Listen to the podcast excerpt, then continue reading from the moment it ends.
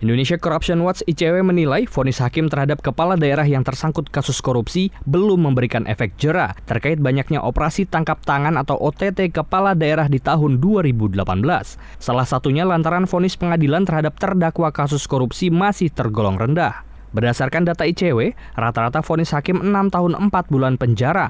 Angka hukuman tersebut dinilai ringan dan tidak cukup untuk membuat jera para koruptor. Bagaimana pembenahannya? Dalam diskusi interaktif dini hari tadi, peneliti ICW Kurnia Ramadana berharap vonis hakim di masa mendatang dapat menjerakan pelaku korupsi dengan pidana penjara maksimal dan pencabutan hak politik para pelaku korupsi serta pengembalian uang hasil korupsi kepada negara. Di sisi lain, Kurnia menilai upaya DPR untuk melemahkan Komisi Pemberantasan Korupsi KPK dengan revisi Undang-Undang KPK menunjukkan bahwa DPR tidak pernah berpihak kepada pemberantasan korupsi. Harapan kita ke depan adalah vonis-vonis hakim itu dapat menjerahkan pelaku korupsi dengan cara yang pertama, pemidanaan penjaranya harus benar-benar maksimal, lalu yang kedua menjawab keresahan persoalan dia bisa mencalonkan diri lagi, harus diberikan treatment ataupun cara agar hak politik dari terdakwa kasus korupsi dari dimensi politik bisa dicabut. Lalu yang ketiga, uang yang sudah dikorup oleh pelaku korupsi dapat dikembalikan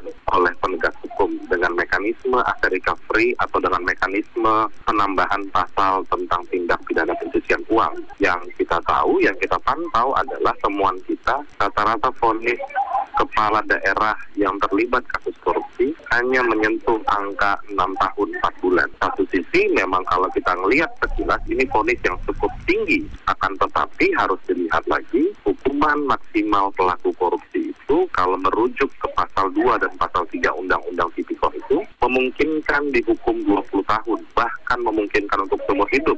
Dan juga yang kita sorot dari temuan ICW kali ini adalah persoalan tuntutan jaksa. Rata-rata jaksa KPK itu menuntut 7 tahun 5 bulan. Dan kita anggap itu masih belum memberikan efek jerah. Dan juga memang beberapa tahun belakangan KPK kerap menuntut agar terdakwa kasus korupsi itu hak politiknya dicabut. Akan tetapi perlu diingat bahwa tren pencabutan hak politik itu dimulai di awal tahun 2014. Ya, itu berarti dari tahun 2004 KPK mulai pertama menangkap pelaku korupsi sampai di tahun 2014 hampir tidak ada pelaku korupsi yang dituntut pencabutan hak politik.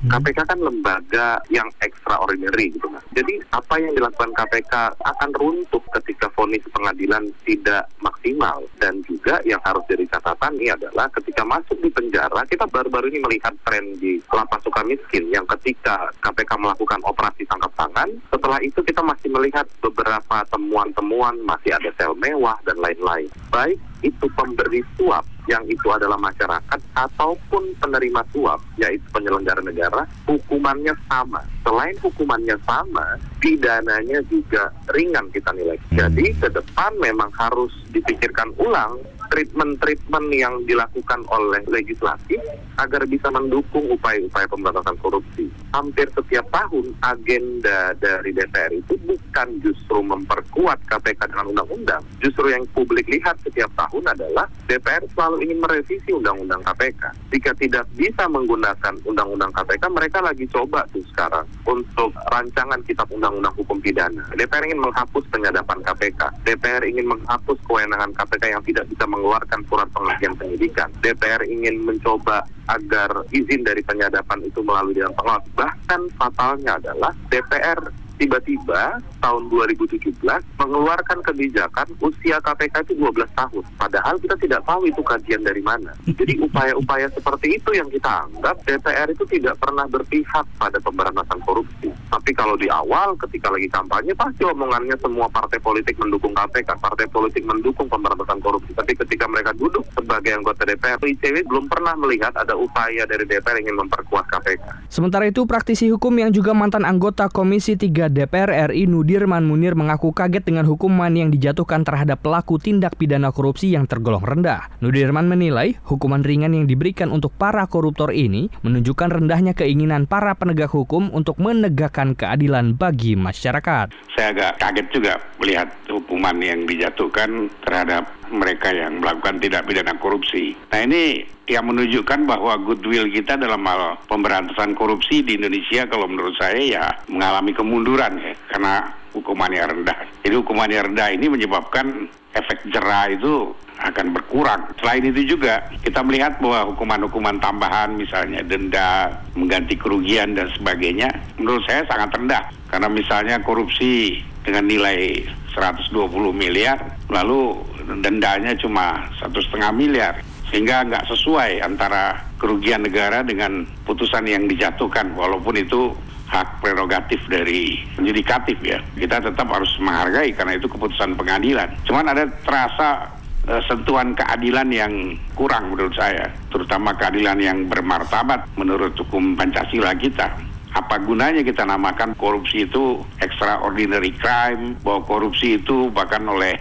Sekjen PBB disebut sebagai crime against humanity. Begitu tingginya bahwa bahkan satu tingkat cuma di bawah genocide. Nah itu menunjukkan memang keinginan kita itu dalam hal memberantas korupsi agak menurun kalau menurut saya. Yang kasihan KPK udah capek-capek melakukan OTT, tapi begitu dibawa ke pengadilan hukumannya ringan-ringan aja. Saya juga nggak habis pikir kok bisa begini ya. Apa nggak bisa atau dicari jalan keluar yang lain bahwa ada efek jerah atau shock terapi tadi dengan hukuman yang setimpal hampir seluruh negara di dunia memberikan hukuman untuk kejahatan tidak pidana korupsi itu nggak ada yang seperti kita. Saya udah keliling beberapa negara Eropa dalam rangka kunjungan kerja di masa lalu. Kita pada umumnya adalah terendah secara rata-rata dalam hal menghukum mereka yang melakukan tidak pidana korupsi. Hal ini betul-betul sangat mengecewakan dan ini menyentuh rasa keadilan. Karena itu saya harapkan Mahkamah Agung untuk menegaskan ya kepada hakim-hakim baik di tingkat pengadilan negeri maupun di tingkat pengadilan tinggi ya, apalagi di tingkat Mahkamah Agung. Kita tahu ada beberapa hakim agung yang serem ya kalau bagi para koruptor itu serem ya. Artijo Al